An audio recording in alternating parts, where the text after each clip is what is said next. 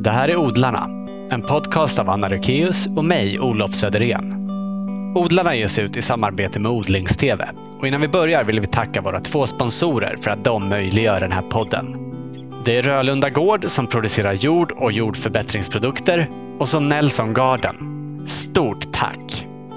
I det här avsnittet träffar vi Kristina Schaffer. Hon har startat en kurs i stadsodling på Stockholms universitet och så forskar hon om agroforestry och skogsträdgårdar. På sin egen gård i Bergslagen har hon försöksodlingar och hon har i flera år varit delaktig i en tillsammansodling i Högalidsparken i Stockholm. Här är intervjun med Kristina som vi spelade in på hennes kontor på Stockholms universitet den 3 november. Varsågoda!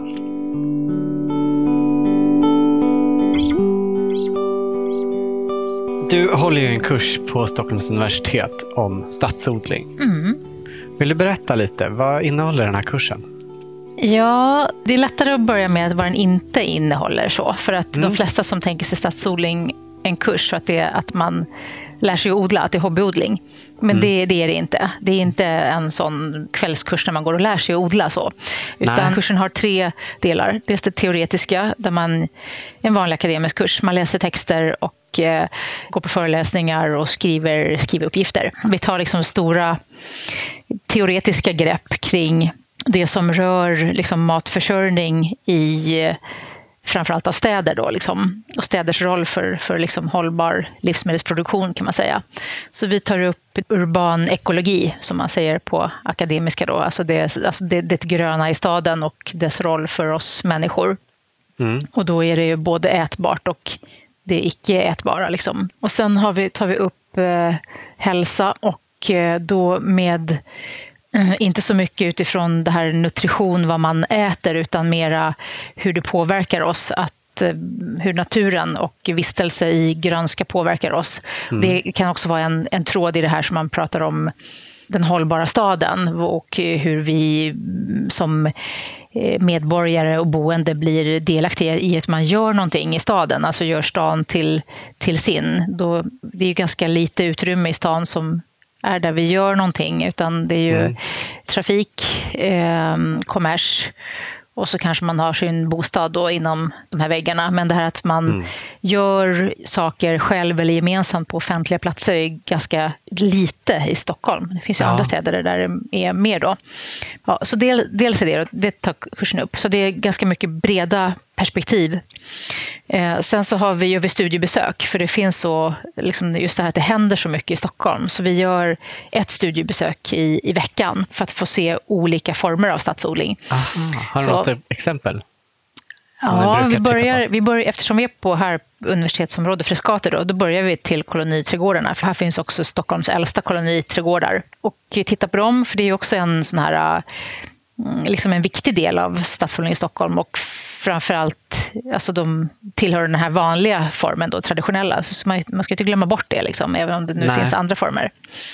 Sen så brukar vi åka till Fisksätra och då tittar vi på flera saker. Då är det liksom odling, dels i, i miljonprogramsområden och eh, en gerillaodlad tillsammansodling i form av en skogsträdgård där som finns. Och så finns. Men det finns ganska mycket där att se. Ja. Mycket roligt. Och sen så tittar vi på i Högalidsparken eh, där det finns en takodling. Och där har jag själv varit med och odlat i fyra år. Och sen är det odling i villaträdgård och på allmänning. Det kör vi i Huddinge-Rågsved. Och sen så brukar vi titta på norra Djurgårdsstaden, alltså då är det pallkrageodling i en nybyggt område. Ja, som är ju ganska så liksom, ja, modernt och flashigt område. Hur kan man liksom integrera odling för ja, i nya områden? Och de har också sin variant med tillfällig odling, att de flyttar på det här i takt med att det blir, håller på att växa fram en hel ny, en Mhm, i ny, en ny typ- stad där. Området expanderar. Så det är liksom att få lite olika, se de olika varianterna av stadsodling. Och sen så är det en tillämpad del och då odlar vi på campus. Så då har vi då det som är den, den varianten vi kör här är skogsträdgårdsodling. Ja. Och eh, det är också av speciella skäl att vi inte odlar liksom vi odlar inte morötter i pallkrage, utan det, är- det är det här skogsträdgårdsodlingen som är grejen här. Vill du berätta lite kort vad skogsträdgård är? Mm, gärna. Det är um, ett sätt att odla där man kan säga att man, man härmar naturen eller härmar naturliga ekosystem så mycket som möjligt. Mm. Fast man har då de grödor som man vill ha där. Så att om en vanlig alltså odling, det kan ju vara på en eh, täppa eller ett, eh, ett stort fält. Alltså det är ofta, ofta har vi monokulturer, man gör en sak och i långa rader. Då. Ja. Eh, men här så samodlar man. Och man tänker sig då att man härmar den nisch som ligger mellan skogen och det öppna fältet, som är ett eh, skogsbrynet. För där har ekologer upptäckt då att det är den mest produktiva zonen. Där växer det som bäst. Då. Mm. Och då härmar man naturen så att man tar det här den här skogen ska man ha i norr, så man får vindskydd. Försöker fånga, liksom, man får vindskydd och eh, så är det öppet och soligt som möjligt till söder. Då. Eh, och sen sätter man de lägsta växterna längst i söder och så sluttar det liksom mot den här, eh, om man tänker sig väggen av skog i norr. Så, det är, ett, det är liksom så formen på det och sen är det lite lätt så bön, bönformad för också det här fånga in sol och eh, skydda för, för vind. Och sen så odlar man då perenner, alltså bara fleråriga växter. Och och eh, inte bara, man kan odla in ettåriga grejer också, men det är det man strävar efter i takt med att det här växer till sig. Ja. Så det är fruktträd, eh, nötter, bärbuskar, mycket örter, olika former av gröna blad som kan användas då på, om det nu är liksom sallad eller te eller eh, kryddor, kokgrönsaker och sådana saker. Mm. Och sen så sätter man också in växter som kan skapa näring till systemet. Så man kör inte vare sig konstgödsel eller naturgödsel. Nej. Utan det är växterna som gör näringen. Så man sätter in eh, de som kan fånga in kväve, som är en viktig komponent i gödsel. Så det ska vara en viss procent liksom, med kvävefixerande växter i. Då. Och sen så ska det vara, försöker man hitta de här vissa växter som har väldigt djupa rötter så kan det dra upp fosfor och kalium från djupet det är samplanteringen. Då, med, de kallas för näringsackumulatorer, de här då, som skapar näring. Så de äter man inte. Nej. Och sen så är det ett annat trick då, det är att man inte gräver och inte vänder jorden överhuvudtaget. Och, och, jorden är alltid täckt. Så man täcker då med liksom det är lite så att man, man tar vad man haver. Har man, I en trädgård finns det nästan alltid det som kallas för trädgårdsavfall. Men i en skogsträdgård finns det inget trädgårdsavfall, utan allting är en, en resurs. Så man lägger det på den här jorden. Det som skulle hamnat på komposten annars? Mm, precis. Eller så finns det annat taget vad man haver, alltså att man lägger på gräsklipp om man har sånt. Eller vi har haft tillgång här till gammalt hö och sånt där. Och när man har den här täckta jorden då, istället för svart jord så ser det ju då stökigt ut istället för att ha svart jord och prydliga rader. Det, är liksom, det här är en brokig odling med, med en massa skräp på, på då, mm. Eh, tycker en del. Men då får man, dels så slipper man vattna eh, för att det här håller vattnet, så fukten så bra. Ja. Och sen så åter tillförs näring för att det här multnar ner då, så det liksom blir extra näring. Och sen så får man inget ogräs, så det blir liksom mindre arbete på sikt. Så det är tanken med det då. Och sen när man inte gräver så binder man dessutom in kol i backen då. Så att perennerna i sig binder in kol. Då tänker vi att det skulle vara ett bra grepp då i, med tanke på klimatförändringar och ökade koldioxidhalter och sådär. Så vi binder in det. Om man dessutom låter bli att gräva så binder man in ännu mer. För det är där i mykorrhizan och i marken som det stor, de stora kolresurserna ah, binds ja, in. Det, det frigörs om man gräver och vänder ja, på jorden. Mm. Mm. Det känns som ett miljövänligt sätt att odla. Är det alltid ekologiskt? Ja, det är det. Om man är så intresserad av liksom ingången är att man är intresserad av miljö och hållbarhet. Jag vet ingen som skulle börja liksom, alltså spruta med kemikalier i det. Så. Nej. Var kommer de här idéerna ifrån? Med skogsträdgård? Mm. Där. Mm. Ja, det finns flera trådar. Dels så är det det som är, kommer ifrån tropikerna, kallas för agroforestry. Det är en, en del. Och då har man lite förenklat då, liksom det är alltså bönder som har odlat i djungeln. För att man har sett hur det växer där. Det växer också i olika nivåer på höjden. Så då har man bytt ut lite vilda växter och satt in grödor som man vill ha där. Mm. Det är en tråd. Då. Sen så idag så är det ju influenserna kommer från det som är alltså permakulturtänk, liksom, så det har blivit poppis där. Men eh, permakultur är mycket, mycket mer än bara skogsträdgårdar, men det, det brukar finnas en, det finns ett överlapp där. Då. Mm. Och sen så finns det det här som heter skuggkaffe. Det är lite kändare, att man, man, man odlar alltså kaffeplantager där man har kaffet i skuggan av ett uh, fruktträd. Det är också en form av agroforestry och det är ganska stort. Det är ju plantager. Liksom. Du sa att permakultur är mycket mer än skogsträdgård. Mm. Vad innefattar det begreppet? Kan ta det väldigt kort bara. Alltså det är en, en filosofi som har, um, bygger på liksom ett etiskt förhållningssätt till liksom jorden och till andra människor och sådana saker. Att vi ska, hur man behandlar jorden och hur vi delar på saker, på resurser rättvist och så. Sen så är permakultur ett planeringsverktyg och ett sätt att analysera och planera utifrån ett eh, hållbarhets, med ett småskaligt hållbarhetstänk. Så permakulturtänk handlar om att koppla ihop alltså hur vi bor, byggnation, med vatten, med energi och med matproduktion. Så att liksom bara odlingen är bara en komponent. Så är det, är det permakultur är det hur odlingen, eh, matproduktionen kopplar till de andra delarna. Så det är en del eh, jag skulle säga en del eh, sunt förnuft, också det här man tager vad man haver. Och så en del är väldigt, det som, är, det som jag tycker är det, det är, svår, det är svårt att beskriva permakultur enkelt, men det finaste tycker jag är att man alltid tänker sig att man utgår från den här platsens eh, förutsättningar. Vad finns det för, dels för så här, eh, faktiska resurser, material och grejer, och också människor, det sociala sammanhanget. Så vad är det för att vi vill någonting, vi vill åstadkomma någonting eller vi säger att vi ska producera mat då. Okej, vad är den här platsens och dess människors förutsättningar? Så det finns, permakultur är inte liksom det här copy-paste, gör så här på alla ställen. Så. Skogsträdgårdarna har blivit lite, det är liksom en Ja, men nu lever jag i en så nördig värld, så det, det, det jag tycker att det, det sprider sig. Det är ganska många som går igång på det. Liksom. Mm. Men det är fortfarande ganska smalt. Men, men det är inte bara, permakultur är mycket, mycket mer. Så skogsträdgårdarna är en, en komponent i det kan man säga. Mm. Så. Det låter ju fantastiskt med skogsträdgård. Att liksom, när man väl har anlagt den så kan man bara skörda och, och sen så sköter det sig självt i övrigt. Eller hur? Finns det några nackdelar med det? Eh, ja, det gör det ju. Ja, nackdelar, alltså svårigheter eller utmaningar som jag...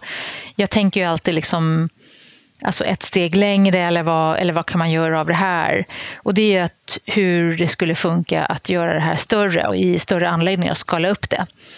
Och det vet vi inte riktigt. Men det finns ju en jätteframåt eh, odlare, alltså han är i framkant vad det gäller allt, som odlar i Uppland på en gård, liksom, som testar allt. Och han gör det här för, han tänker sig för bönder, har liksom en demoodling för, för bönder att komma och titta på och lära sig. Och sådär. Så han gör, han gör mycket spännande saker.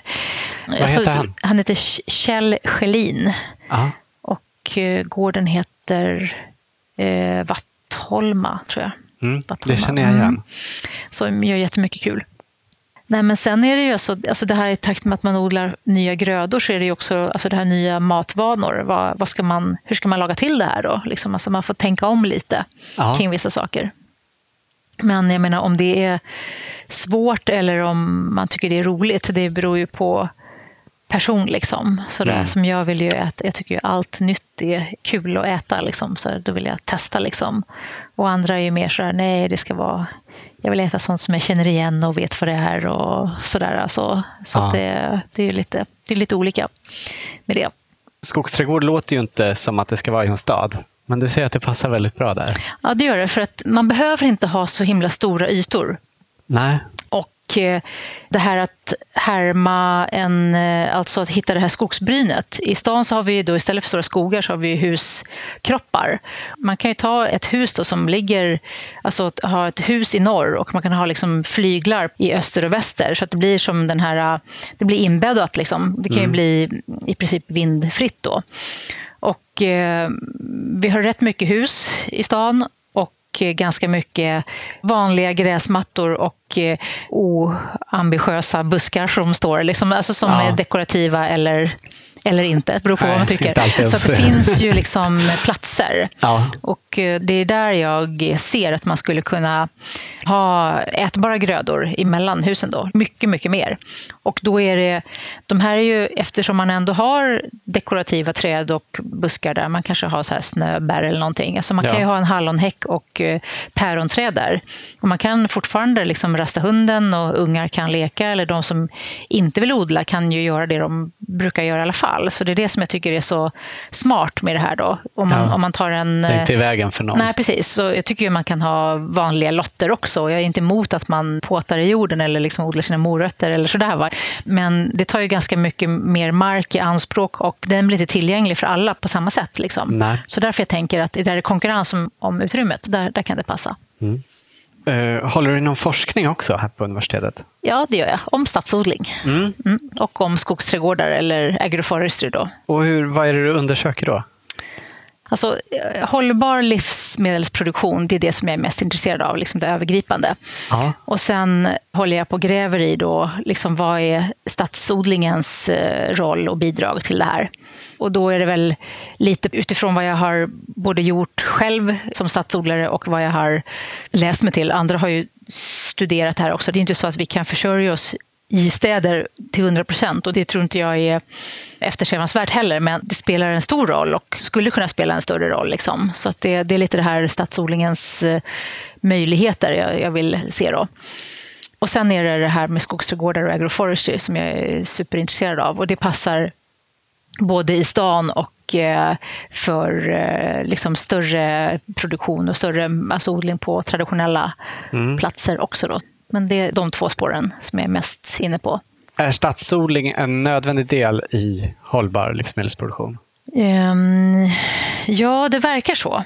Om man kollar på hur människor försörjer sig i, nu tänker jag hela, hela jorden, så är det framförallt alltså i stora städer i eh, Asien, Afrika, Latinamerika så är det här alltså till ganska stor grad som man har matproduktion i städer. Så det är en viktig del. Så I eh, den rika delen av världen och här i nord där det inte växer lika bra så är det inte lika stor komponent. Liksom.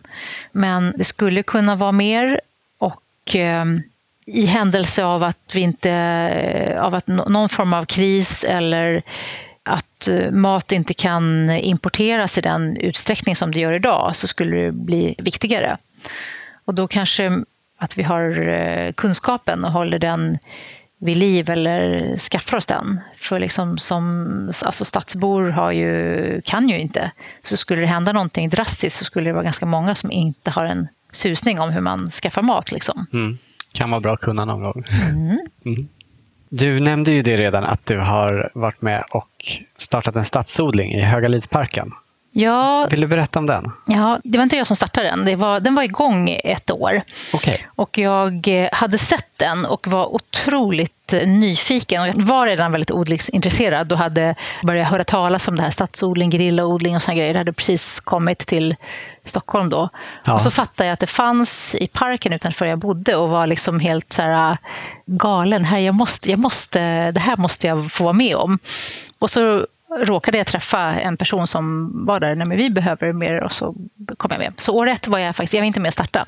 Men Nej. då hade man, det som fanns när jag klev in, då fanns det odling på ett eh, tak då, enligt en speciell teknik som några hade tagit fram då.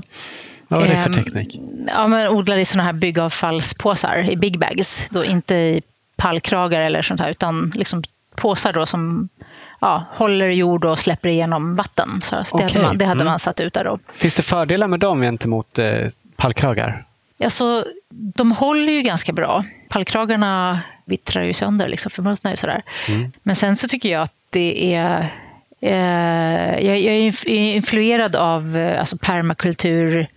Tänk liksom på det att man... Jag, har ingen, jag är inte så upphängd vid någon liksom speciell alltså teknik eller det ska vara pallkrage, inte pallkrage, det ska vara si eller så. Utan det är det här att man tager vad man haver liksom, och utifrån den platsens förutsättningar.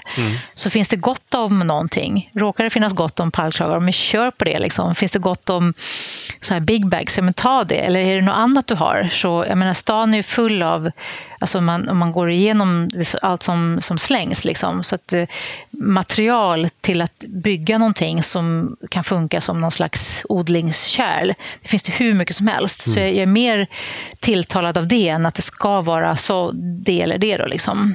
Men när jag kom med så ville jag börja odla i parken. För jag ville testa det här att odla på en plats där alla rör sig.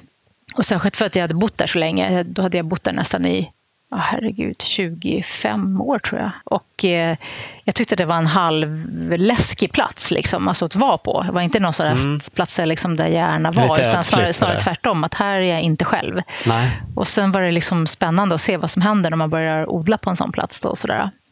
Jag tycker hela den här sociala experimentet att vara på en offentlig plats och det här att odla ihop med folk. Då körde vi tillsammans odling. Allt, vi gjorde allt tillsammans. Mm.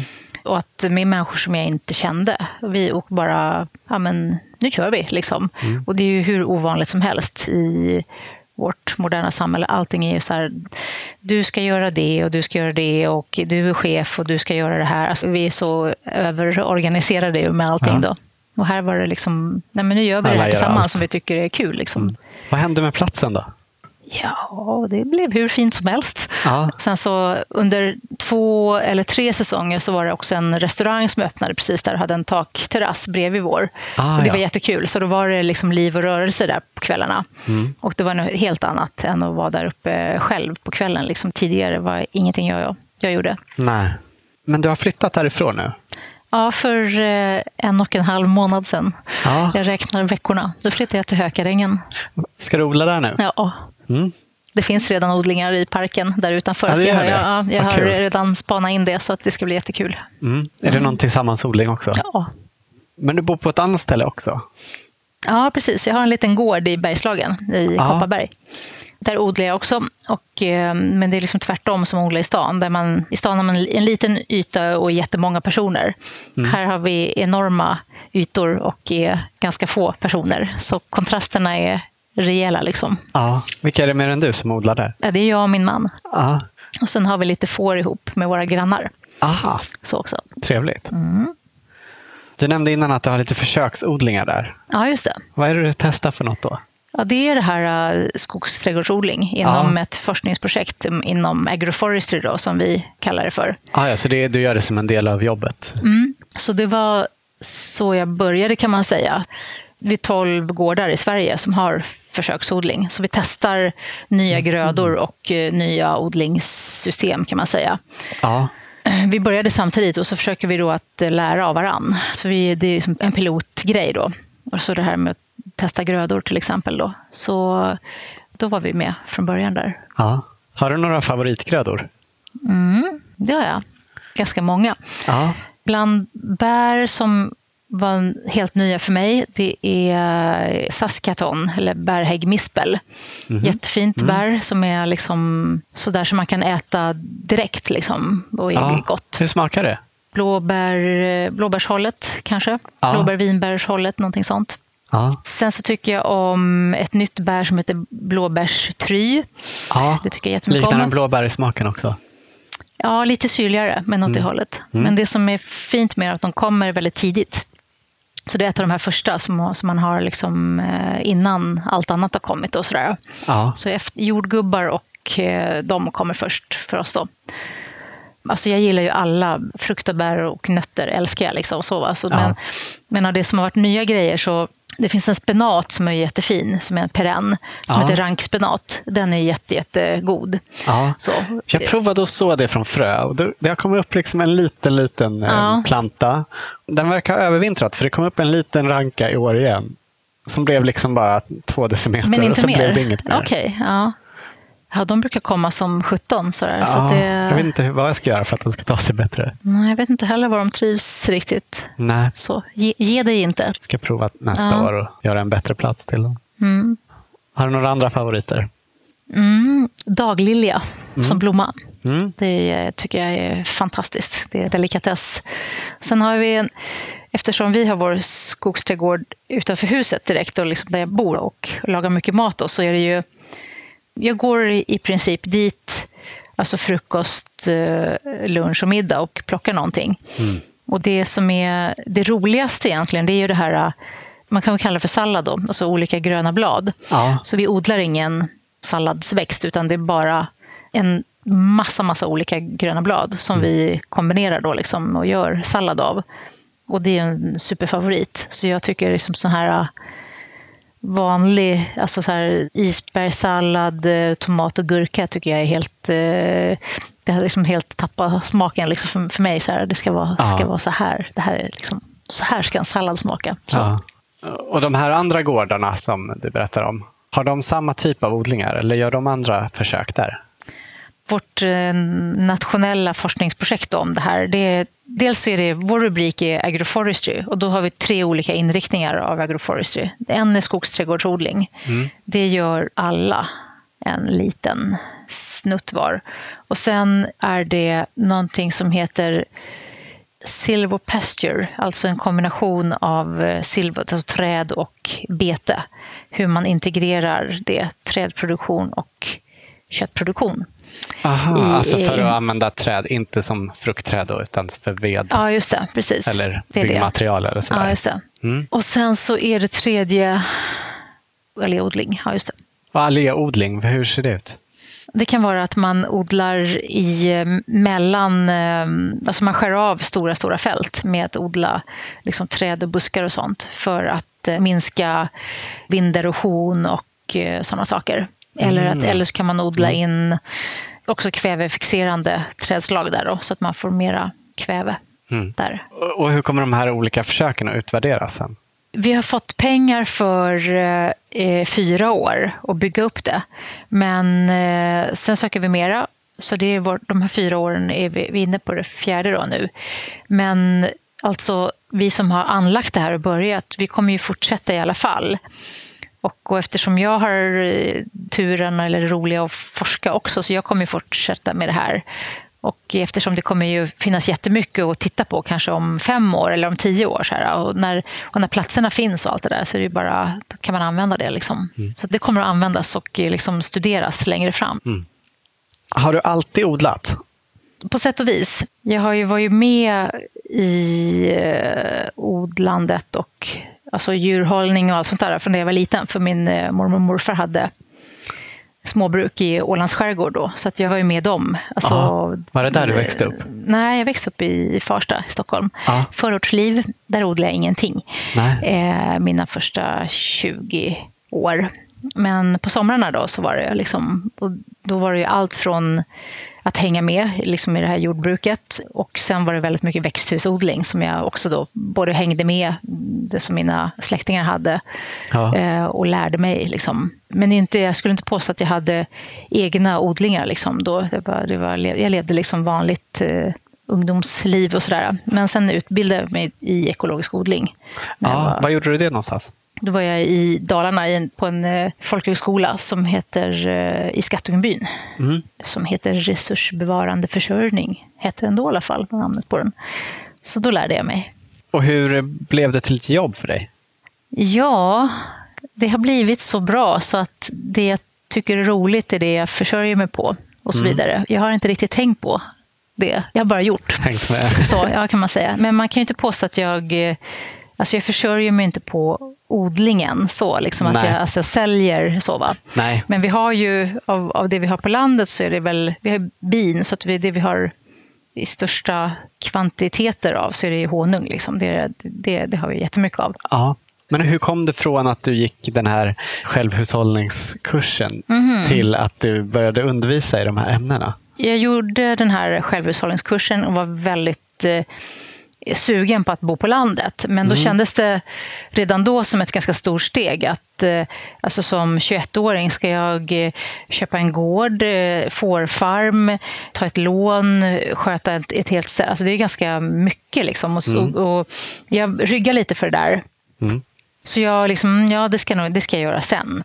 Men det där senet, då blev det, så då man kan väl säga att jag, då var jag tio år i stan och så gjorde jag allt möjligt annat. Men det jag också, i den här självhushållningsskolan då, så lärde jag mig också, det var väldigt mycket hantverk och konsthantverk. Så jag ägnade mig åt det i några år. Då hade mm. jag liksom en eh, sån, ett par år som jag bara höll på med det och gick på konstskola och ja, liksom gjorde, gjorde kreativa saker på annat sätt som inte var odling då. Ja.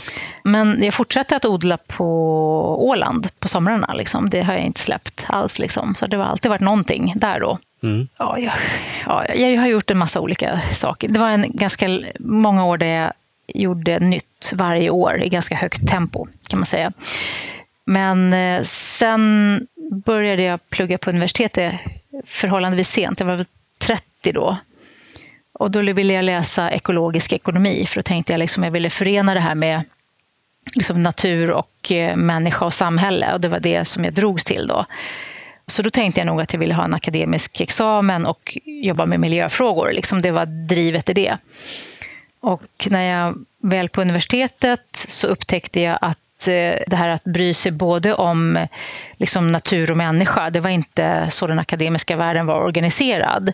Och då var jag ganska så både upprörd över det och tyckte att det här måste man göra någonting åt. Så då, då började jag att eh, jobba med att eh, alltså främja tvärvetenskap på, på universitetet. Så det gjorde jag. Det var mitt första jobb. Jag hade inga alls planer på att vara kvar här. Och i den vevan så började jag undervisa för att jag hittade på själv och hittade på ihop med andra. Mm. En massa ny, både tvärvetenskapliga kurser kring nya frågor och områden som var ja, ganska nytt. Och till slut var det så nytt så ingen kunde undervisa om det här. Så då var jag tillfrågad, kan, men kan inte du undervisa?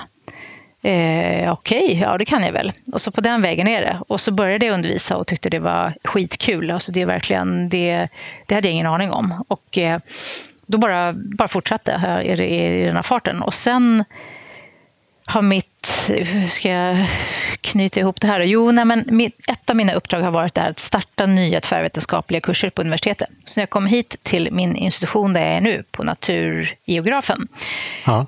då var det mitt jobb. Och då började jag med att starta en kurs i stadsodling, för jag tyckte ja. att det, skulle, det passar bra. Då kan man diskutera hållbar utveckling och från ett tvärvetenskapligt perspektiv. Ja. Hur länge sen, sedan är det du kom hit? Då? Här har jag varit fyra år. Mm. Så det är så länge den här kursen har funnits mm, också? Mm, mm. Men om man tittar på så olika typer av stadsodling, som du har ju nämnt skogsträdgård mm. och pallkragar. Men om man också tänker akvaponik ja, och mm. hydrokulturer ja, och, och sådär. Mm. Finns det någon forskning om vad som är mest effektivt? Det beror på vad du är ute efter. Är det effektivt alltså vad det gäller alltså produktivitet eller, eller mm, Jag tänker eller det är väl dels arbetsmässigt och dels yteffektivitet. Mm. Det som är lovande är ju akvaponi, liksom, alltså integrerad fisk och grönsaksodling mm. vad det gäller yta och mm. produktivitet. Det är ju verkligen liksom. Och att man inte är beroende av någon viss typ av liksom, mark eller sådär. Alltså det verkar ju superhäftigt. Liksom. Ja. Och sen så tror ju jag att det här med samodling av perenna grödor också är effektivt. Men jag kanske inte är jätteintresserad av eh, bara liksom produktiviteten utan det är ju kombination med, med hållbarhet liksom, som jag mm. är ute efter. För att annars om vi inte tänker in hållbarheten så skapar vi en massa nya problem som vi ska lösa på något annat sätt sen då. Så det är liksom den avvägningen liksom som man måste hitta då på något mm. vis. Men finns det andra? Alltså det här med att ha biodling i stan verkar också funka. Mm. Odla svamp i källare och sådana grejer, alltså det verkar också funka. Ja. Vi skulle förmodligen kunna ha liksom, eh, mera alltså höns, gris och sådana saker också. Liksom. Alltså det här att tänka sig grisar uppfödda på hushållsavfall och sådana saker. Liksom. Det är ju jättesmart. Liksom. Ja, Så och sen ta deras avfall för att gödsla växterna med. Ja, precis. Ja. Ja. Och sen om man tar in andra värden då, att det inte bara alltså produktivt, effektivt eller hållbart. Alltså det är, om vi tänker så att vi vill ha någon slags, eh, ett bra liv, ha någon slags trivsam tillvaro. Det är ju därför många odlar också. Det som är husbehovs och hobbyodlingen, det gör man för att det är roligt, liksom, mm. de flesta. Och det, det är ju... Men det är inte så många som är beroende av det egentligen för sin överlevnad. Så. Nej, inte idag. Nej. Och inte just nu. Nej, men det kan ju bli så igen. Det kan bli, det vet vi ju inte. Liksom. Nej. Och sen är det, det är ganska kul om man kollar på studier om huruvida de är Alltså hobbyodling. En hobbyodlare kan ju få ut jättemycket av en liten yta mm. för att man tar tillvara på allt. Man tar tillvara på även morötter som är små och krokiga och fula. Som i industrimorötter, de blir ju avfall då direkt. Då. Mm.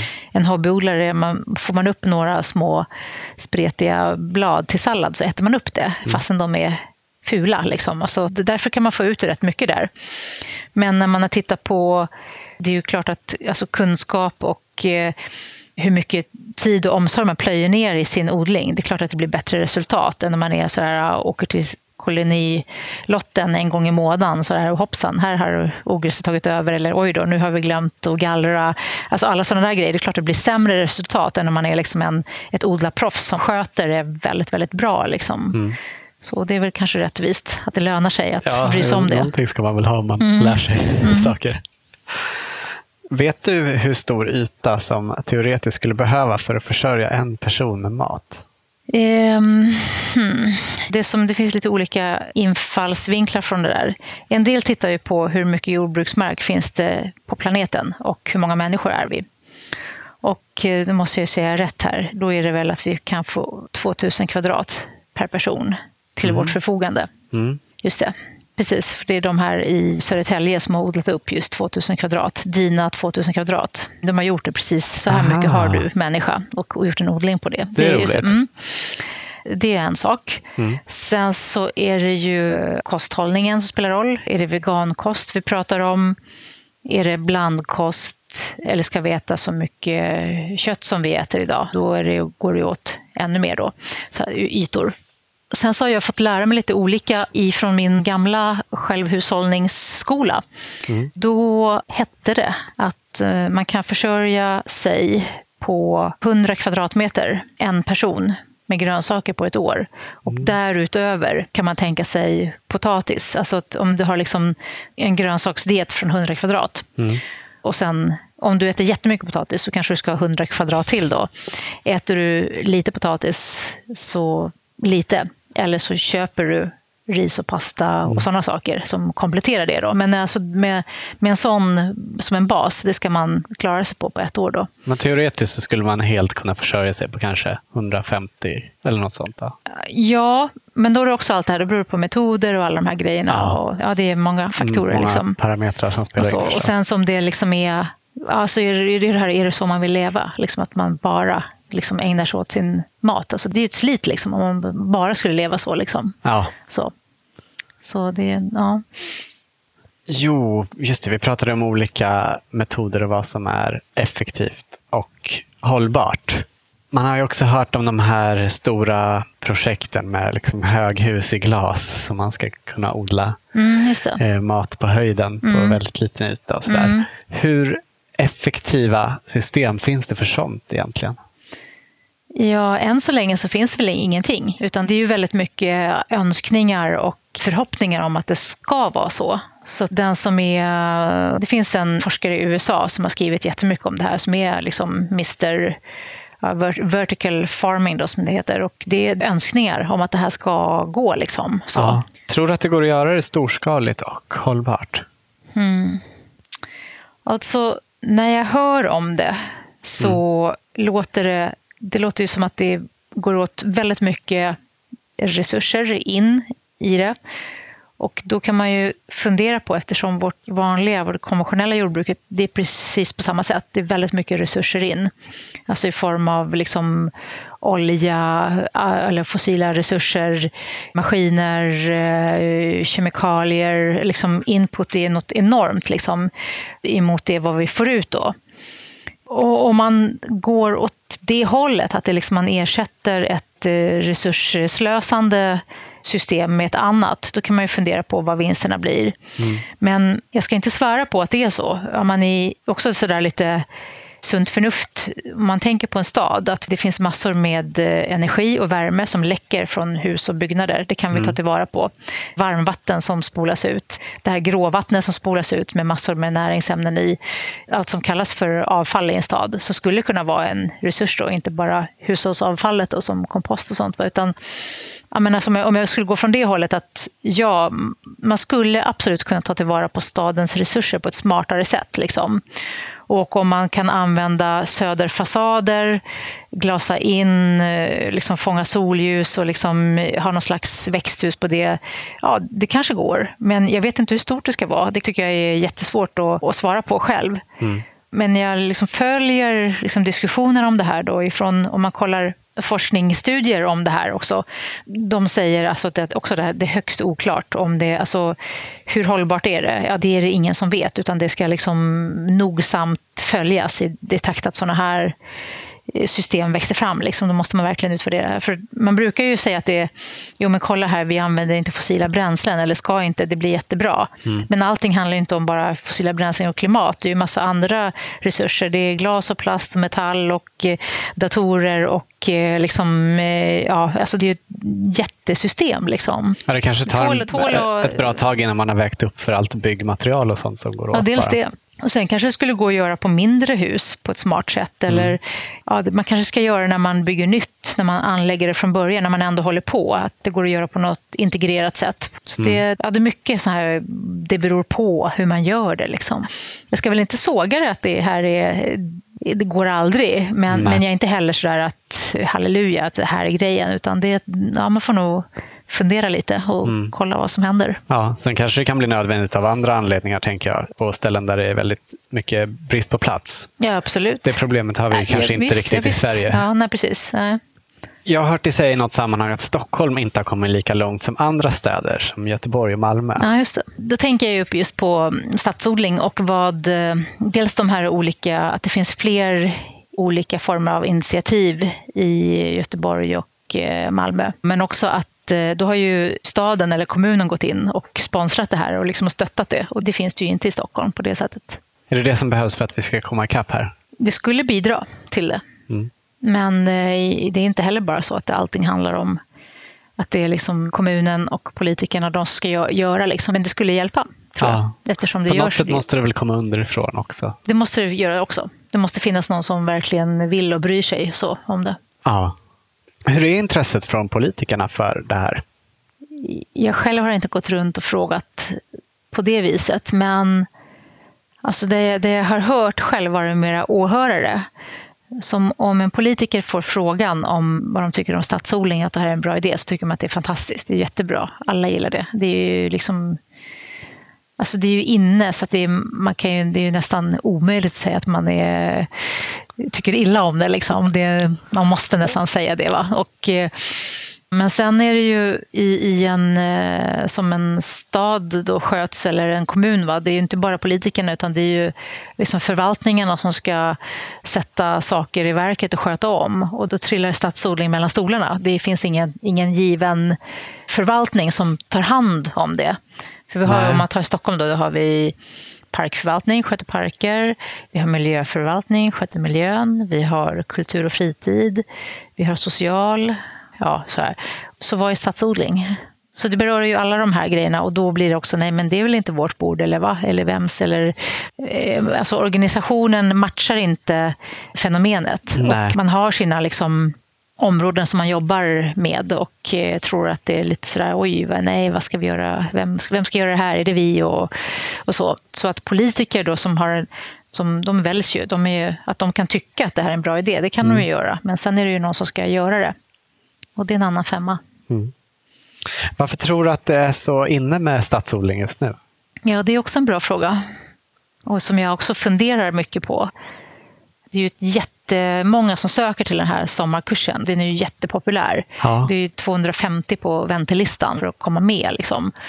Det är roligt. Ja, verkligen. Och det är ju vad ska man säga, alla som har jobbat i kanske gröna och miljöföreningar eller politiskt. Det är man tänker sig att man är är engagerad i miljöfrågor så då tror jag att man ägnar sig åt stadsodling för att det är konkret, att man gör någonting. Så det mm. känns, känns, liksom det känns bra, bra. Mm. mm. och meningsfullt att göra. Liksom. Det, den, den komponenten tror jag finns med, än att bara prata eller bara eller vad man skriva debattartiklar eller påverka andra. Så.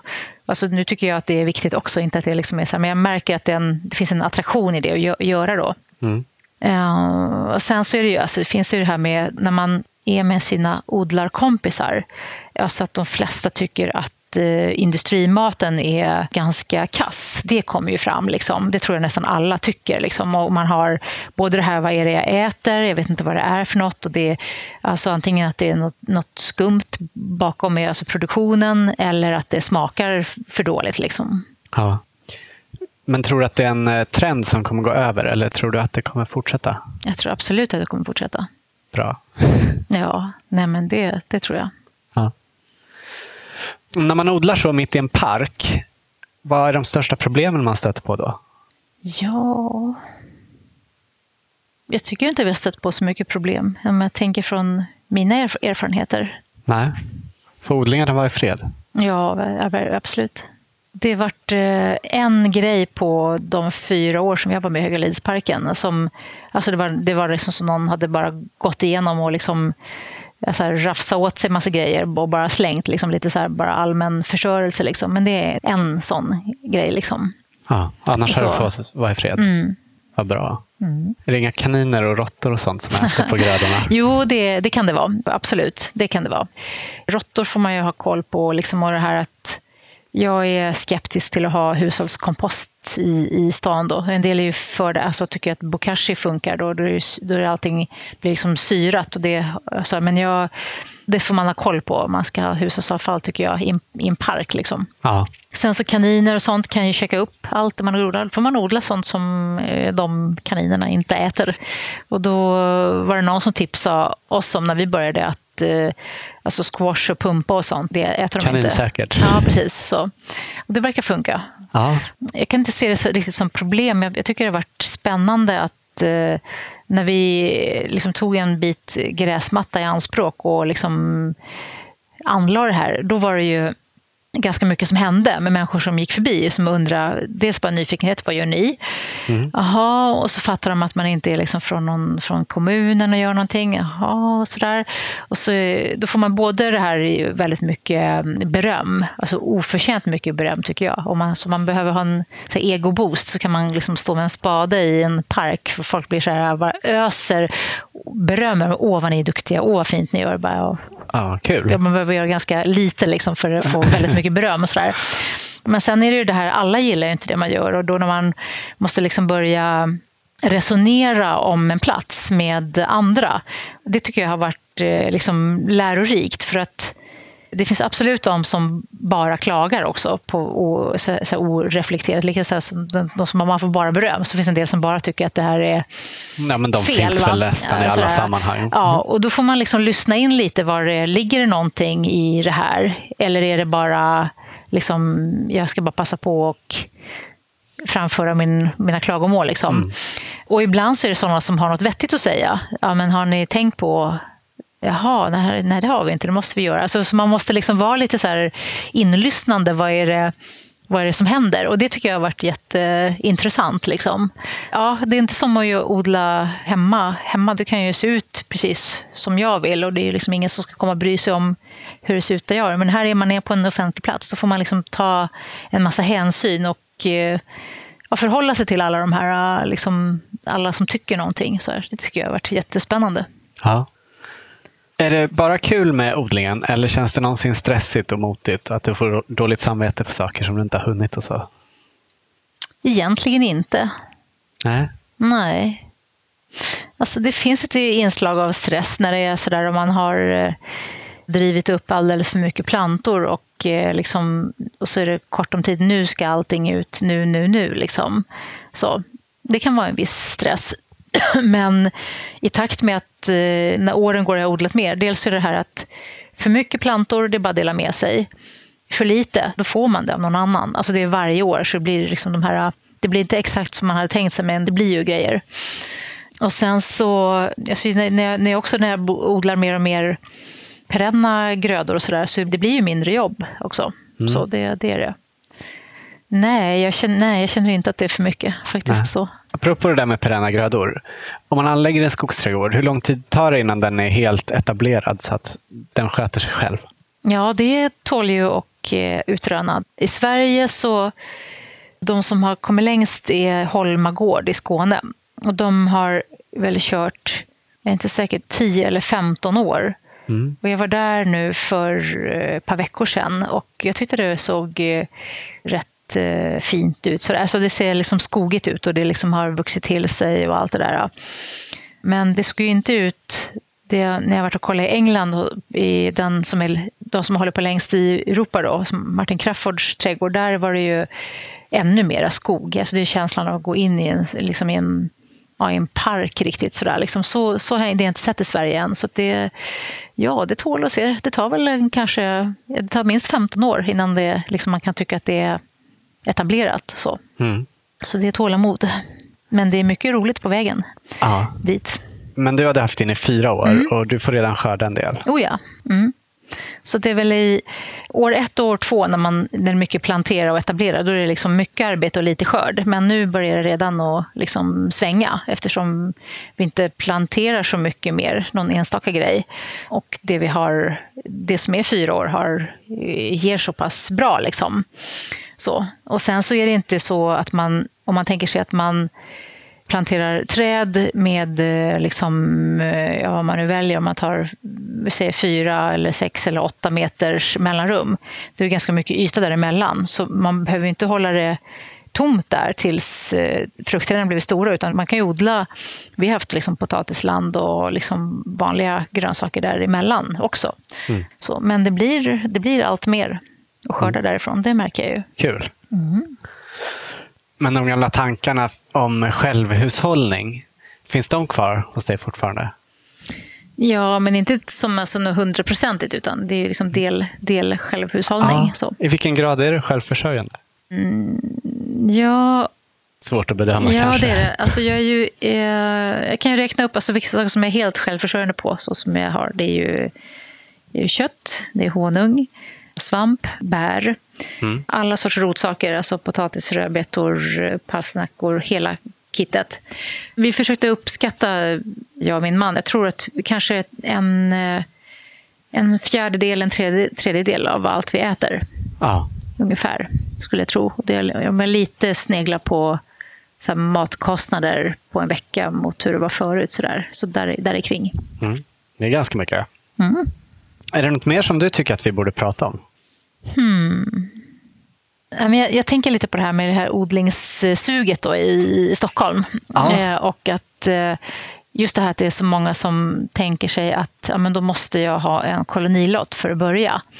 Och eh, så är det ju inte, utan man kan ju odla på så himla många platser.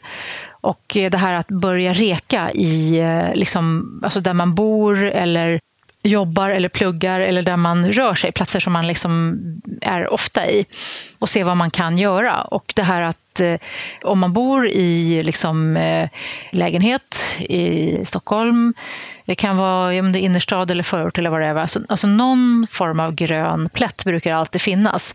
Så ta reda på vem den där gröna plätten vems det är. Om det liksom är fastighetsägaren eller vad det nu är. Det kan vara bostadsrätt eller om det är hyresrätt eh, eller om det är kommunens eller vad det är. Och så börja, är det en bra plats, alltså att det finns jord och du har sol, så gör någonting. Och sen så att börja att det här att odla ihop med andra. För att det är liksom en, det ger ju dels då, istället för att då muta in en ruta, så här, det här är mitt, utan liksom att det här kan vi göra ihop. Man måste inte ha, alltså de här köerna till kolonilotter, är ju liksom, det får man ju vänta flera år då på vissa ställen. Liksom. Så, så, ja, i innerstan är det ju så. Mm, så jag tycker att man inte ska vänta, jag tycker man ska börja se sig om, om platser. Eller om man har en takterrass, eh, det kanske kan funka. Innergård kan ju också funka om det är solbelyst. Och, och så, där. så verkligen liksom vara liksom, alltså kreativ med att hitta platser. Liksom. Det finns mycket, mycket mer än vad man tror, liksom, platser att odla på. Ja. Liksom. sen är det bara, det är bara att börja. Och börja litet, liksom inte ge sig på för mycket liksom, första gången, utan det här att känna att man blir nöjd. Alltså börja litet, smått och lyckas. Det känns mycket, mycket bättre än att ha enorma planer och sen liksom, eh, ja, så blir det ingenting. Liksom, att man inte, det blir sån motgång, det blir inget roligt. Nej. Så det är vad jag tänker med den som vill, för den som vill börja odla själv. Men sen så tänker jag att, liksom att Stockholm skulle behöva någonting riktigt stort och någonting riktigt coolt också, som är liksom en, alltså en satsning på liksom, alltså ett, ett, ett helt hus eller någonting sånt som de hade alltså alla nischer. Liksom ett, eh, vad kan man göra på ett tak? Vad kan man göra på en fasad? Vad kan man göra inomhus i fönster? Vad kan man göra i källare? Vad kan man göra som blir liksom både någonting sådär, ett ställe att gå och lära sig av och, mm. att, att liksom hela hu, ett hus eller ett, eller ett kvarter eller någonting som är liksom ett... Ett grönt kulturhus. Ja, precis. Liksom en experimentverkstad. Ja, liksom. Något sånt tycker jag vore jättekul. Liksom. Ja. Och både det här att man lär sig och se, ha, kan man göra så här och, och så där. Och att det funkar, alltså mötesplats och ja, allt det där. Det tycker jag vore nästa steg. Liksom, för att det, det finns så mycket att, att liksom göra inom det här. Så. Mm. Ja, grönt kulturhus kanske, kanske är det. Och till sist då, innan vi slutar så skulle vi gärna vilja höra ditt bästa odlingstips. Mitt bästa odlingstips? Mm, ja, alltså jag är ju så här, jag tycker man ska odla det man tycker är godast, det man mm. tycker om. Annars är det ingen mening med det. Liksom. Men om jag har något sådär bästa tips? Ja, alltså jag, är, jag är ju förtjust i det här att alltså det som är grävningsfritt. Alltså att odla liksom, Ja, men det tycker jag man ska testa. Alltså att odla, för, odling för den som är, är lat, kan man säga. Mm. Det är att odla potatis utan att gräva. Att anlägga det på en, eh, till exempel en gräsmatta. Mm. Eh, Hur gör du då? Då tar man en eh, gräsmatta till exempel och så klipper man ner gräset ganska kort. Så. Och sen lägger man på kartong och sen så lägger man på lite brunnen gödsel och sen så gör man en liten grop i den här gödselhögen och eh, sticker ett hål i kartongen där med en kniv eller någonting. Och så lägger man en, tar man planteringsjord och lägger en potatis där. Så att inte gödslet ligger precis emot potatisen. För det är för starkt, liksom. det blir som en liten bädd där. Och sen lägger man någon form av lock på, som eh, hö eller halm eller någonting sånt. Och eh, sen har man ett potatisland utan att ha grävt ett enda spadtag. Mm. Och det blir hur mycket potatis som helst utan att man har grävt. Och sen år två, då har allt det här förmultnat. Alltså gräsvålen, kartongen och det här gödslet. Så då har man en såbädd. Då kan man så alltså rotgrönsaker och sådana grejer utan att ha grävt år två också. Mm effektivt sätt att anlägga ett mm. land på. Så har jag gjort på landet, då, bit för bit. Alltså en tagit kanske en 5-10 eh, kvadratmeter varje år. Ut med kartong, potatis och så förflyttar jag liksom hela det här grönsakslandet då, bit för bit, år för år. Ja. Inte grävt ett spadtag. Nej, smart. Tack så jättemycket för att du ville vara med och för att vi fick komma hit. Tack själva.